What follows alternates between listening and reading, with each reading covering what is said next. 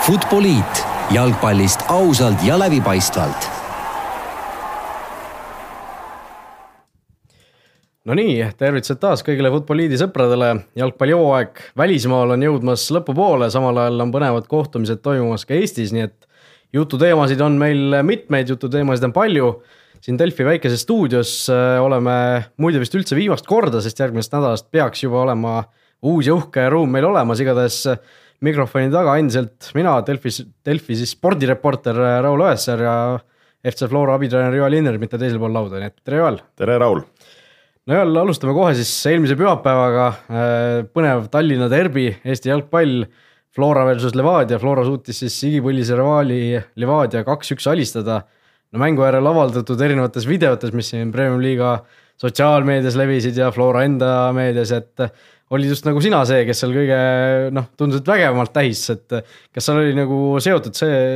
sellega see, et et sa oled Hispaanias elanud nüüd aasta aega ja oled selle võrra nagu emotsionaalsem või, või mis see, mis see siis äh, nii-öelda põhjus oli? No väga hu huvitav algus ja selline hea provokatsioon, aga, aga selles suhtes äh, noh, suur mäng igatahes see mäng oli ja ja, ja selliste mängude nimel nii jalgpalli mängitakse, ütleme niimoodi Eesti, Eesti, Eesti tasandil ja, ja treenitakse ja ja need on need mängud, kus on vähe, vähe krõbedam ja erilisem atmosfäär ja ja, ja muidugi see võit on ka selle võrra magusam ja, ja siin, kui sa tõid välja selle emotsioonide väljanäitamise, siis siis jah, miks mitte, ma arvan, ei tasu häbeneda positiivseid emotsioone, et Eesti inimene kipub olema selline väga arg ja pelglik, et isegi kui asjad on väga hästi, siis ei julgeta seda öelda, et alati kõik on okei okay ja ja kui ollakse õnnelikud, siis korraks võib-olla suunurk äh, tõuseb, aga, aga miks mitte lasta vahepeal endast seda head, head energiat välja ja ja kindlasti ka, kui ma räägin enda koha seisukohast, siis abitreenerina ka on vaja võib-olla just toetada seda, et võistkonna sees oleks selline hea, hea aura ja hea energia, et seda ma üritan ka siis nii-öelda võistkonnas hoida ei, seda muidugi, eks alati on ju tore vaadata ka, kui inimesed nagu looma seest välja lasevad, on ju, et. no räägi sellest mängust ka natukene, ma ise küll ei saanud seda mängu vaadata, aga ma natuke igast kokkuvõtteid ja videosid olen näinud, et ma saan aru, et Levadia ikkagi päris palju raiskas ka, et teil natuke oli õnne ka, et noh, seal penalti löödi üle ja kõik, kõik muu. ja väga selles suhtes võrdne ja väga võitluslik mäng oli ja, ja vastased äh, väärisid äh, täielikult teineteist, et äh, tihti just sellised suured mängud, derbid noh, jäävad pisidetailidesse kinni, kes kelle kuskil olukorras maha magab, kes suudab selle palli võrku realiseerida, kes lööb esimesena värava ja nii edasi. et tihti need asjad äh, saavad saatuslikuks, äh, suutsime minna suhteliselt kiiresti ette, mis natukene võib-olla veidi uinutas meid ja ja Levadia ka esimesel poolajal selle taganttuulega ja, ja väga ohtlike standardolukordadega siis suutsid, äh, suutsid meile peavalu valmistada, et et sealt nad ei suutnud ise ära lüüa teine poolaeg läks juba selliseks äh, veidikene lahtisemaks, äh, tuli see viigivärav kõigepealt Levadia poolelt äh, ja siis olime natukene veidi, veidi aega võib-olla võistkonnana natukene nagu liimist lahti ja, ja tuli ka see penalti otsa, mis oli võib-olla veidikene kerge, kerge penalti, aga, aga tõepoolest meie õnneks üle löödi ja, ja lõpuks juba suutsime, suutsime oma kasuks selle pöörata ja, ja nagu ma ütlesin, et tihti sellistes mängudes sellised pisiasjad, standardolukorrad, asjad on need, mis, mis võivad mängu muutuse tuua ja ja, ja me olime selleks valmistunud, nii et ja, ja see tasus ka ära, et, et selles suhtes tõesti on nii-öelda väga-väga hea võit. No Floral kaheksast kaheksa võitu nüüd eh, hooaja alustuseks kohe, ma tuletan meelde, et Nõmme Kalju siin paar aega tagasi alustas ka üheksast üheksa võitu seejärel tuli kas järgmisest äkki mingi viis või kuus mängu järjest ei suudetud ühtegi mängu võita ja, ja lõpuks jäi ta meistritiitlist ka ilma, nii et äh, kui teil järgmine mäng siin Tallinna Kaleviga nüüd on, siis äkki mingi strateegiline viik oleks sihuke mõistlik, mõistlik lähenemine. ja ega me siin nende numbrite või statistika peale selles suhtes äh, nii palju pead ei valuta, et kes, kes mitu järjest on võitnud varasemalt või palju meie, et me mängime mäng korraga, üritame iga mäng äh, võtta sealt maksimumi kolm punkti, teha oma tööd edasi ja ja, ja siin on alles noh, üks, üks neljandik kogu hooajast mänginud, kogu, kogu hooaeg on veel ees, et siin ei tasu veel hakata midagi, midagi hõiskama ega, ega kuskile pilvedesse tõusta, vaid, vaid võtta väga rahulikult ja, ja teha oma asja edasi. just nimelt, aga väga rahulikult ei võta asja Narva Trans, läheme siis sujuvalt edasi Eesti jalgpalli äh, uudistega. nädala alguses siin tuli äh, teada siis, et Trans on äh, oma peatreeneri Dmitris Kalašnikovsi vallandanud täiesti noh, totaalselt ootamatult võttis see kogu Eesti Eesti jalgpalliüldsust, ütleme siis nii. minu jaoks ka noh, totaalselt arusaamatu otsus. Äh, täielik blamaaž, kui tsiteerida klassikuid, et, et Trans siis tegelikult äh, hooaega ju väga-väga korralikult alustanud, äh, kaheksa vooru veel kaksteist punkti neil kirjas. neli väravat endale ainult lasknud lüüa, Narva Transi-sugune meeskond. sellest parem näite siis ainult samal FC Floral on ju, kellel on kaks väravat lastud lüüa, et et noh, suurepärane hooaja algus tegelikult karikas ka ju poolfinaalis poolfinaali vastane sealjuures FC Elva, mis tähendab, et finaali koht ka selgelt laua peal. Äh, noh, tundus, et tiimile ka see Kalašnikovi mängustiil sobis, kõik nagu toimis, aga ikkagi jalaga tagumikku ja uksest välja ja minu jaoks ka väga-väga kummaline otsus äh, see oli, et äh, nagu sa mainisid ka väga, väga okeilt tegelikult Rans mänginud oli nii tulemuse mõttes kui ka mängupildi mõttes, et need kaotused, mis, mis tulid ka ju, tulid äh, kahe siis nii-öelda suure, suure vastu, et äh, et Flora ja Levadia vastu see alistumine tuli ja Kaljuga mängiti viiki ja, ja tegelikult kõik need kolm nii-öelda tugevat mängu Trans mängis väga okeilt, et äh, noh, nagu mainisin, siis Kaljuga võideti viik, Levadiaga esimene poolek läks natukene nihu, aga teine poolek kodus näidati väga-väga hingestatud mängu ja, ja tehti seal Levadia elu väga raskeks ja ja ka tegelikult meie mäng, mis me Narvas ise mängisime Floraga oli samamoodi väga-väga raske ja ja lõpuks seal äh, saime selle penalti kätte ja, ja sellist pusimist oli ikka, ikka väga kõvasti, et tõesti väga, väga ebamugav vastane ja, ja mida võib-olla Trans varasemalt ei ole suutnud ja mida näitab ka statistika, on just see kaitse pool, et me teame tihti, Trans on suutnud äh, olla selline väga resultatiivne ja, ja väravale äh, orienteeritud võistkond ja tihti on seal taga need asjad kärisenud, et, et see, et on näidatud kaitses väga head mängu, seal on äh, uued täiendused äh, nii kaitseliinis kui ka kindlasti Marko Meeritsa puhul, kes on teinud väga-väga okeid hooaega. et kui sul on sellised asjad paigas, siis, äh, siis on sul nagu, nagu hea mängida ja, ja, ja noh, tegelikult äh, noh, võib-olla eks jah, võib-olla võiks olla natukene resultatiivsem rünnaku poolel, et, et see, see on selline pisiasi, millega noriseda, aga samas tulemused ei ole otseselt sellepärast nagu väga kannatanud, et et ka, et ka minu jaoks oli see veidikene arusaamatu no siin äh, meil Vene Delfi kolleeg äh, Keina Medvedjev tegi ka siin äh, korraliku uurimistöö, rääkis siin nii Kalašnikovsi kui, kui Transiklubi juhtide kui kõikide inimestega seal veel ja ja selgus siis, et seesama Läti treener Kalašnikovs ütles, et tal oli lepingus selline punkt, mis sätestas, et tal tuleb siis päris korralik palgatõus, kui ta esimese ringi ehk siis esimese üheksa vooru järel kui Trans on esinelikus, et noh, praegu arvestades seda, et nad on neljandal kohal, okei okay,, Kalju on nendega sama punktisumma peal äh, ja viies, aga noh, Kaljul on tulemas ees mäng Levadiaga. Narval on ees äh, kohtumine tulevikuga, et noh, see esineliku koht oli ikka väga reaalne. ja et noh, see natuke nagu lõhnab millegipärast selle järele, et ma ei tea, kas Transil ei ole siis äh, ei, olnud võimalik seda palka, palka tõsta siis mingitel rahalistel põhjustel äh, noh, eks me näi-, näi-, näeme, kas, kas keegi nüüd palgatakse sinna väljaspoolt asemele, kui, kui palgatakse, siis ilmselt ei ole asi selles et seal on ikkagi väga-väga kahtlane see asi ikkagi, et ma tõsiselt loodan, et Kalašnikovs, ma ei tea, jäi seal mingisuguse ebalegaalse asjaga vahele seal klubi juhtidel, et selline asi äh, ette võeti, et see vastasel korral on ikka täiesti, täiesti arusaamatu otsus, et äh, noh, seal Nikolai Burdakov heitis ka Kalašnikovile ette siis äh, mingisuguseid noortega töötamise ja selliseid asju, et Kalašnikov ise ka ütles ju selle peale vastuseks, et no kuule mehed, millest me räägime, et mul oli üheaastane leping, et mida te mult ootate, on ju, et et noh, see täiesti, täiesti arusaamatu otsus igatahes, aga noh. Valeri Bondarenko saab oma kuuenda võimaluse siis Narva Transi eesotsas, et äh, äkki seekord läheb teistmoodi nagu. et noh, see täiesti arusaamatu teema, et noh, ainus vähegi loogiline selgitus, mis saaks olla, mis ei õigustaks seda Kalašnikovi vallandamist, on see, kui ma ei tea, on siis mingisugune kokkulepe Sergei Frantseviga sõlmi, sõlmitamas, aga, aga noh, kuna Frantsevit nagu praegu ei ole veel sinna peatreeneriks määratud, siis see on ikkagi noh, kummaline, kummaline, kummaline. ja see asi võib küll muutuda, aga, aga tihti ja jalgpallis äh, need sellised telgitagused ja asjad, otsused ongi noh, väl-, välismaailma jaoks äh, väga arusaamatud ja ja tegelikult miks need asjad toimuvad, teavad ainult need, need inimesed, kes on selle ümber ja ja tihti ka need asjad võib-olla noh, olenevalt, kuidas see klubis või, või või selles ringkonnas on, et kas selle eest vastutab üks inimene, on seal nii-öelda tugiisikud, kes aitavad seda otsust võtta ja tihti ka need on mingid kas emotsionaalsed või, või, või sellised äh, väga ühe isiku põhjused ja põhilised siis, et, äh, et siis võivad sellised asjad juhtuda ja, ja teame, et nii sport üldse kui jalgpall on selles suhtes karm maailm, et üks päev on sul töö, järgmine päev ei ole ja ükskõik mis, mis tingimustes, et, äh, et jah, tõesti jah, ei, ei oskagi nagu midagi öelda selle peale. et jah, vaatame huviga, kus siis Kalašnikov maandub äh, lõppkokkuvõttes, aga, aga Eestis jättis ta tegelikult vähemalt tulemuste mõttes päris hea jälje küll. aga läheme edasi, siin eile tuli väga hirmutav uudis esialgu Portugalist, siis FC Porto ja Hispaania koondise endine väravaht siis, FC Porto praegune Hispaania koondise endine väravaht Iker Casillas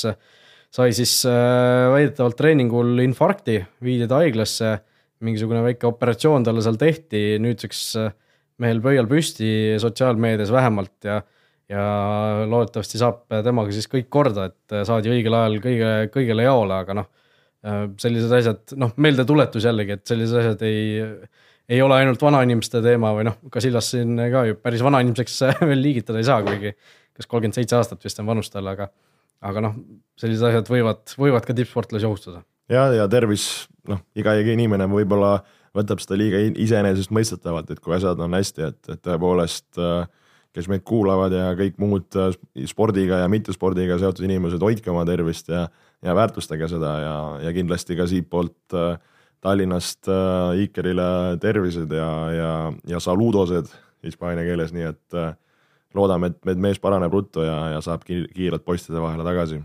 No selle postide vahel tagasisaamisega ilmselt on natukene kööga, sellepärast et äh, ma natuke lugesin ka selle kohta, et seal ilmselt pandi talle mingisugune äh,, mingisugune noh, instrument siis sinna kuskile veresoontesse, et, et sellist asja uuesti ei juhtuks, et ja, ja sellega ilmselt on äh, ikkagi olukord selline, et äh, noh, väravvahina sa pead ikkagi sellist vintsutust taluma, et kui sul pallid tulevad vastu rinda ja kui sa ise hüppad maha ja et siis sellega ikkagi oleks ilmselt ohtlik edasi mängida, et et noh, väga, väga tõenäoline on, et karjäär saab läbi, et noh, ma arvan, et ise ka, kui sa oleks eh, noh, kui oleks sellise, sellises olukorras saanud infarkti, siis eh, see ikkagi noh, ilmselt paneb prioriteedid mingis mõttes paika, et ega seda noh, ta karjäär on niigi, niigi vägev olnud, vanust on, et midagi ei jää sinna platsile. ja nagu sa ütlesid, et ega vanust tikub peale, karjääri ja saavutusi on küll, et, et ei ole vaja siin ju uut äh, diplomit või, või Kalevi šokolaaditahvlit kuskil turniiril taga ajada, et, äh, et saab, ma arvan, äh, rahuliku südamega, noh, kas nüüd rahuliku südamega, eks spordimeestel see hing kihub sees ikka alati mängima ja palliplatsile, et võib-olla kui seda poleks tulnud, oleks mees siin kolm, ma ei tea, aastat veel pannud, aga, aga eks nüüd jah, tuleb mehel lähedastega mõelda, et, et kuidas edasi. nojah, peaasi, et see süda sinna rahulikuks jääks, on ju, aga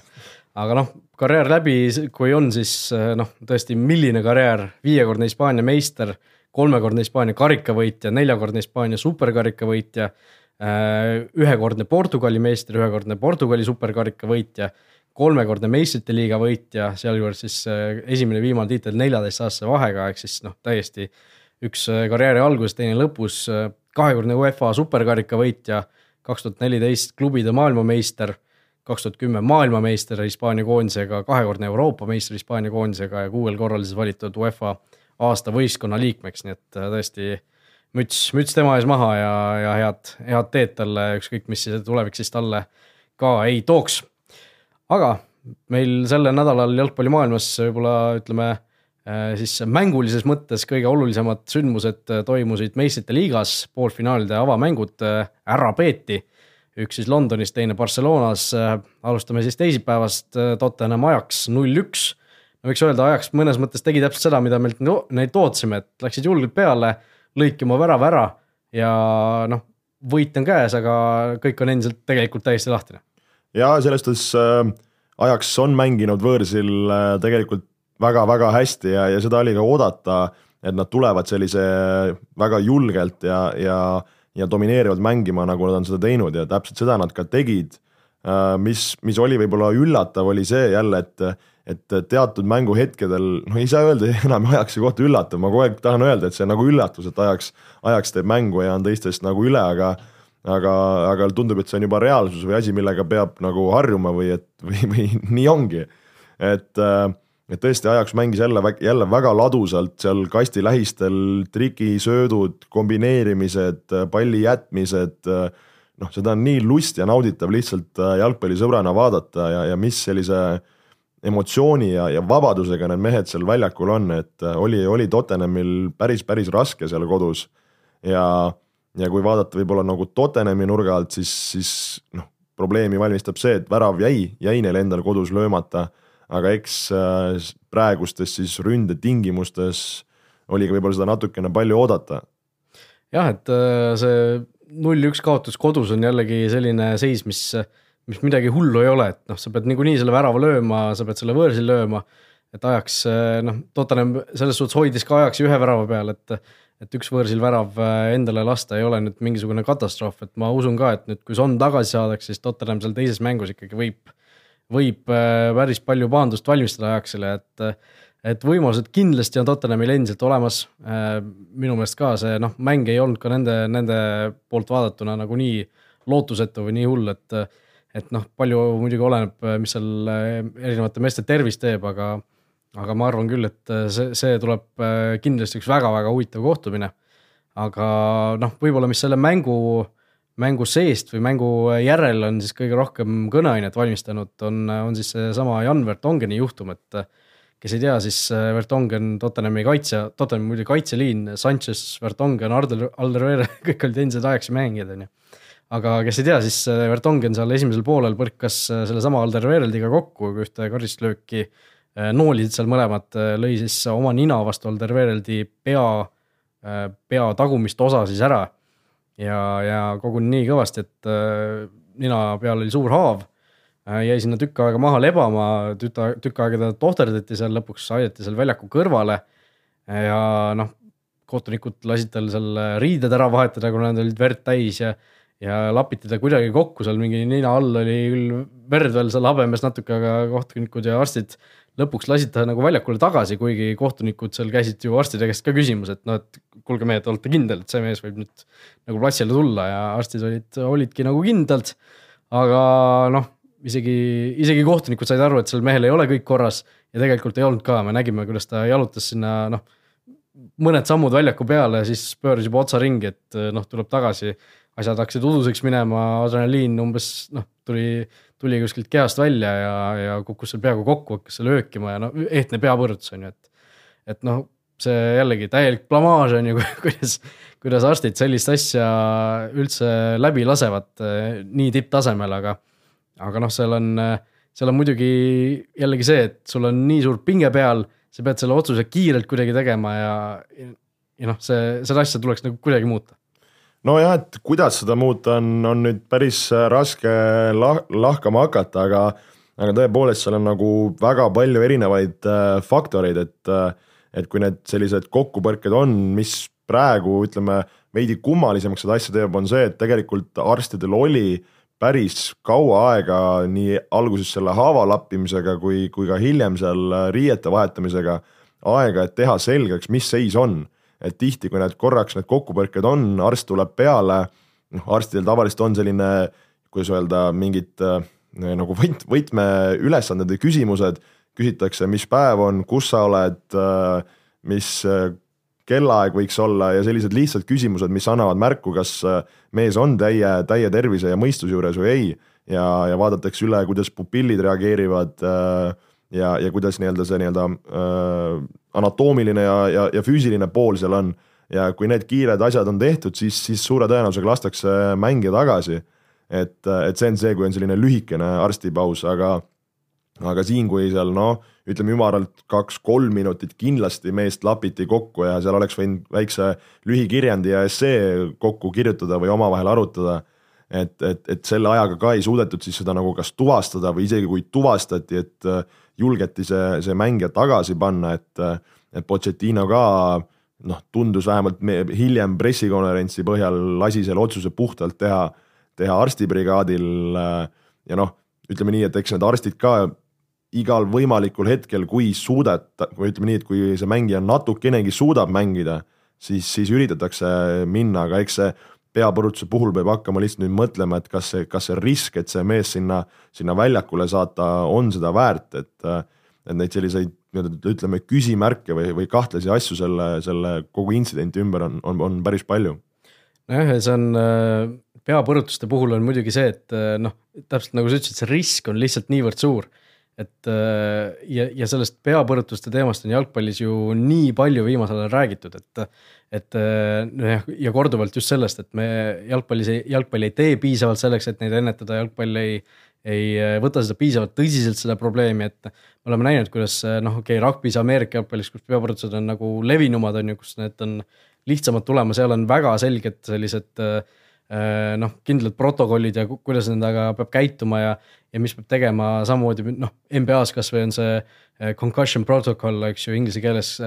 kui sa noh, mingisuguse peahoobi saad, siis sa pead kindlad sammud läbima enne neutraalsed arstid peavad sind hindama, enne kui sa tagasi väljakule võid minna, et et okei okay,, need on kõik teistsuguse sellise dünaamikaga mängud kui jalgpall on ju, seal on erinevad need vahetuste reeglid ja nii edasi. aga, aga noh, seda ei võeta jalgpallis endiselt piisavalt tõsiselt, see oli ehtne näide sellest. ja, ja tegelikult on viimasel, viimastel päevadel nüüd üha tugevamalt äh, räägitud ka sellest, et mingisugust reeglite muudatust oleks sellest, see oleks siis nagu selle nende peapõrsuste ennetamiseks vaja või noh, mitte ennetamiseks, aga ütleme siis nende halvade tagajärgede ennetamiseks, et äh, no tõesti, tõesti, mina ka loodan, et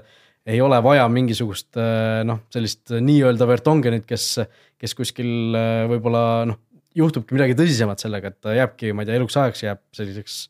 äh, pool äh, noh, ei ole enam oma täie aju, ma ei tea, mahu või, või kapatsiteedi juures, et see Äh, sellist asja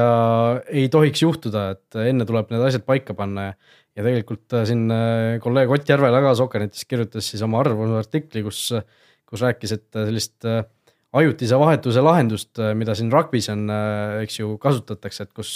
kus, kus ongi peapõrutusega mäng ja siis ajutiselt saab meeskond kellegi teise sinna asemele panna, samal ajal kui teda siis hinnatakse. et kas ta tohib tagasi tulla või ei tohi. et jalgpallis ilmselt oleks ka mingisugune selline variant täiesti reaalne. aga noh, Järvela näiteks kirjutas, et noh, ma tsiteerin siis, et näide. kui võistkond on MM-finaalis viisteist minutit enne lõppu üheväravalises kaotusseisus ja vahetused otsas, oleks ju väga lihtne ühel mängijal nii-öelda jutumärkides kogemata peaga vastu posti joosta, mis teeks kaasa, eh, mis tooks kaasa peapõrutuse kontrolli ja võimaldaks treeneril eh, ühe ülemäärase taktikalise vahetuse teha ning ei tasu arvata, et seda ei tehtaks ning ei tasu arvata, et fännid, kaasmängijad ja võistkonna juhtkond seda taga, tagantjärgi heaks ei kiidaks. ehk siis äh, Järvela arvab, et kui selline ajutise vahetuse reegel oleks, siis hakatakse seda kuritarvitama mängu lõpus, kus võib-olla ise ei jaksa enam mängida või midagi sellist, et, et treener saaks äh, kellegi asemele tuua. no kas äh,, kas sa oled Järvelaga nõus selles osas, kas, kas sellist asja hakatakse kuritarvitama või mitte? no ütleme nii, et äh, kui, kui mõelda enda peale, kui ma, kui ma ise mängisin ja, ja selline reegel oleks sees, siis ma arvan, mina ise või mitte ükski muu jalgpallur vabatahtlikult ei lähe, ei hüppa peadpidi posti või, või, või või kaasmängija või oma mängijaga kokku just ma ei tea, kuidas see välja näeks, et, et ma nüüd kalkuleerin, et ma pean minema sellise kiirusega, et ma saaks peapõrutuse. ma ise olen terve elu väga palju just mänginud nii-öelda õhuvõitlusi ja, ja heas mõttes teisel korrusel ja, ja on neid olnud korralikke vopse küll, mul hetkel isegi ei meenu, et ma oleks ühtegi peapõrutust saanud noh, ma ei tea, kas ma siis ei osanud neid olukordi otsida või, või milles asi oli. või ei mäleta, sest said peapõrutuse et, et see on ikka sihuke väga nagu spetsiifiline olukord, kui, kui see juht, juhtub ja, ja eks mul on suur pea ka, võib-olla see on ka natukene aidanud, aga, aga nali naljaks, et et jah, ma ei, ma ei tahaks uskuda, et seda saaks kuidagi väga kuritarvitada või, või et keegi hakkab nüüd vabatahtlikult sellise asjaga oma tervisega riskima, et et ma, ma ei näe, et see nagu oleks, oleks nagu teema. Ja no minule ka esmapilgul nagu tundus, et see ei, see ei tundu nagu reaalne, et keegi üldse on nagu vabatahtlikult valmis väljakult ära tulema sellisel hetkel, okei okay,, noh, treener ütleb, mis see, mis see korraldus ongi, et mine mingisse õhuvõitlusesse, jää maha lebama või noh, et, et sa ju tegelikult võib-olla mõnes mõttes just teeks, tahaks treeneri korraldusi täita, et okei okay,, et olen siin tiimimängija ja, ja lasen kellelgi teisel tulla, aga noh, see tundus ka nagu selline kahtlane ja ja lisaks, äh, lisaks sellele mulle nagu tundus, et seal on tegelikult ka palju teisi variante, mida saaks nagu kasutada, et noh, variant A, kas sedasama fair play varianti siis nagu ennetada või siis B, üldse, üldse sellist olukorda mitte lasta tekkida, et et äh, noh, kui me vaatame näiteks sedasama NBA korvpalli siis äh, on ju äh, seal äh, selline olukord, et kui, kui mängijale tehakse viga, ta saab vaba visked, aga ta ei saa mängu jätkata, siis siis ta võib minna ära ja vastaste peatreener siis valib äh, pingi pealt kellegi äh, mängija, kes peab siis neid vabaviskeid viskama, on ju, et. et ei oleks, et ei saaks teha sellist olukorda, kus näiteks mängu lõpus, ma ei tea, mõni halva vabaviske protsendiga tsenter seal äh, noh, teeskleb mingit vigastust ja tuuakse mingisugune snaiper sealt pingi pealt ise mängu, on ju, et neid vabaviskeid viskama, et. et sellist olukorda ei saaks tekkida, siis vastaste treener saab ise valida kelle sealt pingilt tooks, et mina mõtlesin selle peale, et okei okay,, see läheks küll natuke keeruliseks aga äh, noh, see peapõrutuse teema ongi keeruline, seal ei saagi sellist konkreetset äh, ühte, ühte kindlat lihtsat äh, varianti ilmselt tekitada, et. et kui olekski näiteks niimoodi, et, et selle võistkonna treener, kelle mängija siis vigastada sai peapõrutuse, tema saab valida näiteks pingi pealt kolm mängijat, kes võiksid teda asendada ja vastaste treener teeb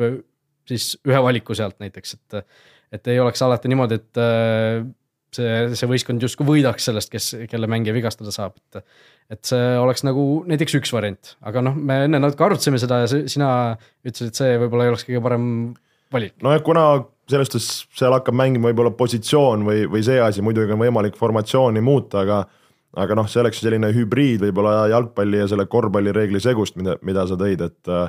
et, et see noh, esmapilgul tundub kummaline, aga aga noh, samas kui me siin ka arutasime, et nagu mingi väga super häid äh, reeglilahendusi, noh alternatiive hetkel, hetkel nagu ei tunduks. ja noh, lisaks on see, et kui, kui sul keegi vigastada saab, ta peab mängust lahkuma, siis nii ehk naa sa, see võistkond ju noh, kaotab, on ju, et see, sa ei saagi tekitada tegelikult olukorda, noh, ei tohiks tekitada olukorda, kus see meeskond nagu võidab sellest, et keegi vigastada saab. et see, see noh, seal on nii palju nüansse selles olukorras tegelikult sees. Ja noh, teine variant, mis tegelikult äh, võiks ju nagu tulla kasutusele, on, on ka, millest on suhteliselt palju räägitud, on see neutraalne arst, noh. kasvõi äh, suurtel mängudel, et kui ongi meistrite liiga poolfinaal, noh seal kindlasti peaks olema. et äh, sul on mingisugune neutraalne arstide tiim näiteks või üks arst, kes seal, kes seal hindab seda. või siis näiteks, kui ongi see neutraalne arst äh, näeb, et mingis olukorras võis tekkida peapõrutuse oht, ta läheb noh, kontrollib seda mängijat võib-olla või, ja siis temal ongi õigus otsustada, kas see mängija võib edasi mängida või mitte et see, seal on äh, noh, seal on väga palju erinevaid variante tegelikult, mida võiks kasutada ja ma arvan, et äh, mingisugune valik võiks ikkagi ka nagu kasutusele lõpuks tulla. aga sa ennem mainisid ka seda, et äh, kui omavahel rääkisime, et, et see vahetus, kui toimuks, et sina arvad, et see ei, see ei läheks nagu kirja äh,? jah, et äh, ütleme, et see sellises olukorras sa saaksid vahetusi teha ka siis, kui sul näiteks vahetused tehtud on ju, mis on kõige lihtsam, lihtsam nagu näide et äh, noh, et see olekski, et kui mängija ise näiteks tahab edasi mängida, on ju, sul on treener, kõik ütlevad, et ja, ja laseme ta tagasi mängu. Äh, ma ei tea, võib-olla meeskonnaarstid on ka niimoodi kahe vahel, et okei okay,, võib-olla põhimõtteliselt võib mängida, siis igaks juhuks. et see, et noh, selliseid olukordi ei tekiks, et ta siis noh, sunnitakse nagu väljakult lahkuma ja meeskond jääb vähemusse seetõttu ja nii edasi. Et siis võiks olla, olla see nii-öelda lisavahetus, et võib-olla võib ka teha niimoodi, et kui sul on äh, selleks hetkeks on vahetusi alles, siis äh, nagu läheb ametliku vahetusena kirja. kui sul ei ole vahetusi kirjas, siis sa saad ikkagi selle vahetuse nii-öelda ära teha, et, et äh, noh, neid nüansse on seal päris palju see kindlasti tuleks nagu läbi mõelda. aga ma arvan, et seal on variante täiesti olemas, midagi sellist leiutada. nojah, oluline on lihtsalt, et, et kuna, kuna tänapäeval see jalgpall on läinud palju kontaktsemaks ja, ja ütleme siis Äh, võitluslikumaks ja, ja need kehad ka on läinud äh, väga, väga, väga selliseks äh, tummiseks ja, ja, ja tihti neid olukordi lihtsalt on rohkem, kui võib-olla oli varasemalt.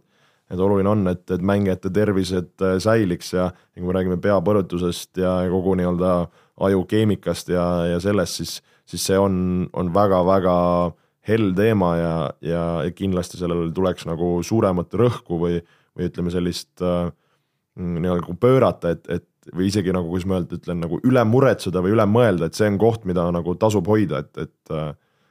ja selle peale nagu jälgida, ütleme nii. just, et pigem liiga ettevaatlik kui, kui äh, mitte piisavalt, et, et noh, neid näiteid on ju noh, mitte jalgpallist küll nii palju, aga, aga ütleme muust elust äh, on küll noh, ma lugesin ka siin, kuidas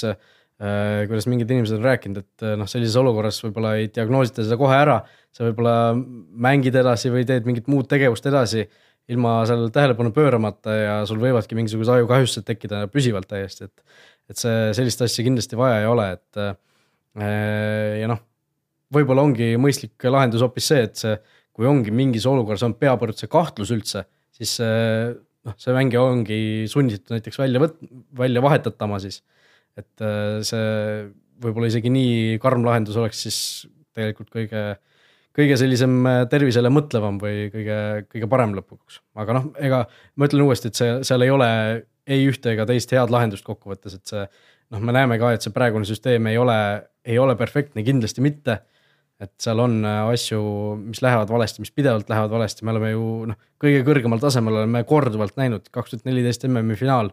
Tõid sina just enne lindistust välja see Christoph Kramer siis, kes äh, Saksamaa koondise eest alustas, sai seal esimese poole, poole peal vigastada. või noh, sai pea, peapõrutuse siis, mida alguses ei diagnoositud ära. neliteist minutit mängis edasi, siis küsis kohtuniku käest, et kuule, et kas see on finaal või? jah, ja pärast ta vist oli maininud ka, et ta isegi väga esimesest poolajast äh, mingeid lõike ei mäletagi, et, et see näitab, kui, kui, kui karm see, see asi on. aga jah, nagu, nagu te kuulete, siis äh, Futboliidi jalgpallisaatest on äh, saanud tänasel neljapäeval tubli meditsiinisaade ja ja, ja jutku ja, ja poleemikat selle, selle puhul jätkub praegu ka pikemaks. jah, ja Loris Kaarjust tuletame ka muidugi meelde eelmise aasta meistrite liiga finaalis, kes ka ju hiljem diagnoositud peapõrutusega, noh, seal ju keegi ilmselt ei kahtlustanudki seda peapõrutust tegelikult. et, et seal selline asi oli, aga noh, me näeme, kuidas see võib tegelikult äh, ka meeskonnale endale selles suhtes kätte maksta, et kui seda õigel ajal ei diagnoosita. ma muidugi siinkohal ei süüdista Liverpooli arste, sest äh, noh, keegi, mulle tundus vähemalt, et keegi isegi ei osanud seda nagu arvata, et see noh, see kuidagi oli sihuke varjatud löök, et. et, et seal midagi juhtus, aga noh, see selleks äh,. meistrite liigaga Läheme siis edasi, räägime natuke teisest mängust ka. eile õhtul Barcelona, Liverpool kolm-null lausa see mäng lõppes. Suarez, Messi, Messi väravate autorid.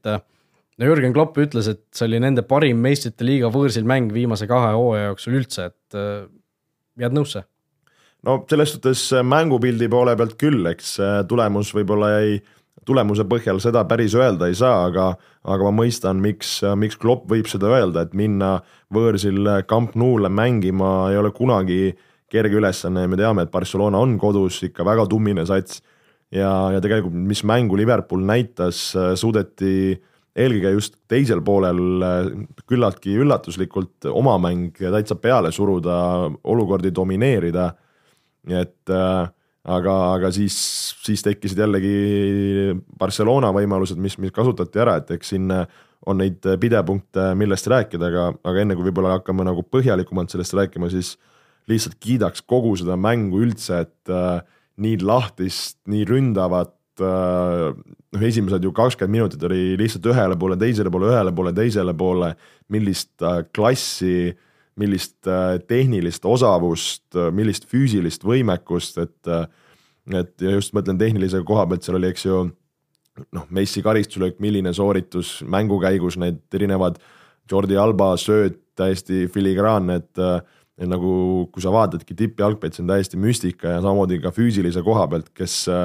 kes pani tähele, kui seal Liverpool teise poole lõpus siis hakkas riskima ja olid seal standardolukorrad kuidas Barcelona mehed tulid seal nurgalöögi järgsetest olukordadest äh, kontrasse ja üheksakümmend pluss neli ja Gerald Piquet lasi seal minu arust kaks, kaks pikka otsa, ligi sajameetrist otsa ja ja Jordi Alba oli praktiliselt iga kord esimene mees sealt, äh, kes pani jälle, jälle ajama, et et sa vaatad äh, ja, ja imestad, et kuidas see, kuidas see tippjalgpall on ikka, ikka läinud ikka väga-väga nõudlikuks ja, ja sellest, selle koha pealt ägedaks. just, et see füüsilise, füüsilise osa või tase on ikka väga tõusnud ja ja noh, kui vaadata ka mingisugust kahekümne aasta tagust jalka, jalkamänge, siis tundub nagu sihuke Eesti esiliiga, et äh, rahulikult sihuke väike siksimine seal väljakul käib, aga aga noh, mängu juurde minnes äh, noh, Liverpool äh, riskis kindlasti ja andis ennast parima just ründes, tahtsid nad seda võõrsil väravat hirmsasti.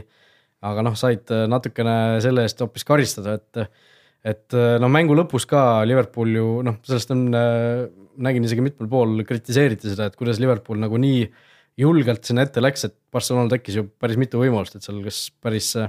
umbes äh, mängu viimase löögiga Dembelel oli, oli ju võimalus neli-null täiesti lüüa, seal mingi kolm-ühe vastu olukord umbes tekkis seal, et et äh, minu jaoks, kusjuures see oli nagu suhteliselt isegi arusaadav lahendus, et et Liverpool niimoodi sinna peale läks, sellepärast et see võõrsil värav oleks olnud ikka noh, sisuliselt kaks väravat neil, nende jaoks, et see null-kolm on ikka päris, päris, päris korralik kabelimats neile, et äh, oleks see üks-kolm olnud, oleks absoluutselt kõik lahtine. ja olen sinuga nõus, et äh, enne mängu ma olin üsna kindel, et Liverpool vähemalt ühe värava saab kätte ja, ja ükskõik palju Barcelona lööb, siis, siis on äh, korduskohtumises Anfieldil noh, šansud, šansud olemas. et aga noh, oleme ausad, tegelikult neid võimalusi oli, ei saa öelda, et ei oleks olnud, aga, aga just nagu, kui me rääkisime siin saate alguses, siis, siis sellistes suurtes mängudes sul on ülioluline, et sul noh, võib-olla seal Huddersfieldi vastu tuleb sul kakskümmend, kakskümmend viis olukorda ja, ja sa võid lubada, et seal Salah lööb mööda või, või ei teki väga head momenti, aga aga kui seal oligi James Milneril penalti koha pealt äh, väga hea pall tuli ja ta lööb seal Ter Stegenile kätte või, või noh, Mo Salah, noh, selliseid asju juhtub tippjalgpallis, me ei saa teda nüüd risti lüüa, sellepärast et seal peaaegu tühja värava eest äh, nõrga, nõrgema jalaga ära ei löö. Äh, et neid momente ju oli küll ja küll, aga, aga seal sa pead ära lööma sellises mängus ja just nimelt, kui sa ei löö, siis, siis sul ongi noh, viisakalt öeldes kellad. jah et noh, see tõesti see Salahi olukord, mis oli pärast, pärast seda kolm-nulli suhteliselt vahetult umbes järgmine rünnak, et. et no jube, jube kahju lihtsalt on, et see, seda ära ei löödud, sest noh, nagu ma ütlesin, see kolm-null on ikkagi selline seis, et noh, kui Barcelona ühe lööb võõrsil, see on Liverpool juba viit väravat vaja, et. et noh, oleks see üks-kolm olnud, oleks see variant ikkagi selgelt olnud Liverpooli alles, aga noh, ma, ma lihtsalt enam ei näe seda, seda varianti Liverpooli, et see, selleks, et sealt, sellest olukorrast välja tulla, oleks neil vaja teha täpselt sama perfektne mäng, kui, kui tegi Barcelona kodus selles suhtes, et kõik oma võimalused kasutati ära. Neil vedas sellega, et Liverpool ei löönud ära, samas ise noh, tehti imelisi väravaid, seal on ju Messi ja nii edasi, aga noh, see mm, noh sellist mängu tuleb nagu üks, ma ei tea, kahekümnest noh. no ma olen nõus, et seal peab ikka kõik õnnestuma ja, ja kohe, kohe kiirelt ära lööma, aga, aga kui nendest väravatest ei õnnestu rääkida, siis noh, esimese värava puhul noh, oli väga meisterlik värav, Jordi Alba suurepärane pall ja, ja Suarez oma vaistuga leidis selle, selle, selle koha üles. see noh puude no, Suarezilt oli ikkagi täiesti nagu noh vaatasin pärast korda, sest kurat nagu vahe, noh vahel, kui sa vaatad jalgpalli, see on sihuke tunne, et noh, võib-olla ise oleks ka sealt ära löönud, aga seal tuli nagu, et noh, okei okay,, et sealt niimoodi see jalg vastu panna täpselt väravasse no.. no tõesti, et äh, aga noh, teine värav, mis, mis noh, ütleme murdis Liverpooli äh,. kui seal tuli sealt see latist äh,, oli, oli teine värav just? jah, oli, oli. et, et see teine värav sealt latist tagasi niimoodi tuleb, kõigepealt Suarez lööb põlvega äh, ja siis see täpselt kukub seal Messile nina ette, okei okay,, Messi väga hästi mängis selle olukorra lõpuni, erinevalt Van Dijkist, kes seal äh, korraks nagu tardus, aga selline äh, FIFA, FIFA rebound värav, mida, mida sa ei taha kunagi, et sul sõber sinu vastu lööks. et, et selline ta oli ja noh, kolmanda värava puhul oli, oli lihtsalt oivaline karistuslöök, et et mul oli, oli tunne, et see teine, teine värav natukene noh, tappis selle mängu ära ja, ja pani ikka päris, päris korraliku põntsu Liverpooli võistkonnale nojah, see natuke ikka ootamatu koha pealt tuli justkui ja noh, just täpselt nagu sa kirjeldasid, see viis, kuidas see tuli, et noh, sihuke õnne, õnnega pooleks ja. ja noh, FIFA, FIFA mõttes nagu Messi justkui seda lööginuppu lõpuks ei vajutanudki, et võttis selle rinnaga maha, jooksis nagu väravasse või. või noh, tegi siukse väikse söödu sinna lõpuks, aga, aga noh, Van Dijk ka ikkagi sel-, selgelt selles mängus äh, ei teinud päris nii head mängu, kui oleks oodanud tema poolt. ja noh, noh, selles samas olukorras ta oleks võinud ju lõpuni kaasa minna. nojah, selles suhtes äh, hea on lihtne öelda, et äh, mine jookse kaasa, aga, aga noh, kui sa näed, et seal äh, tuleb see löök, selline ütleme, ebamäärane löök ka, siis paratamatult inimpsühholoogia, sa jääd seal korraks vaatama ja, ja noh, sa ei tea kuhugi, kuhu poole, kunagi, kuhu poole see pall põrkab. et oleks see põrganud Van Dijkile, siis poleks keegi midagi öelnud, aga see pall põrkas Messile, et et see on niisugune, ma ütlen mõnes mõttes nagu noh, silmakirjalik on vale öelda, aga, aga, aga võib-olla mitte päris äh, päris see, et, äh, et jah, minu jaoks noh, oli ka näha, kui me räägime natukene taktikalisest või mängujoonisest, siis see Vainaldum seal tipuründes sellise false nine'ina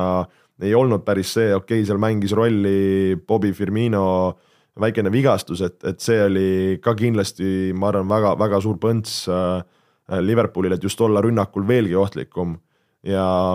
ja ütlen ausalt, minul endal puudub info Trent Alexander-Arnoldi tervise kohta, kas, kas sinul on? Äh, ei ole ka kuulnud, et mulle tundus, et see oli väidetavalt nagu mingisugune taktikaline vahetus, et äh, lugesin äh, Guardianist, Jonathan Wilson kirjutas, et et Joe Gomez äh, noh, noh sellise põhikohaga keskkaitsjana, et äh, võib-olla oli see mingisugune selline mõte, et ta hoiab seda kaitseliini nagu natukene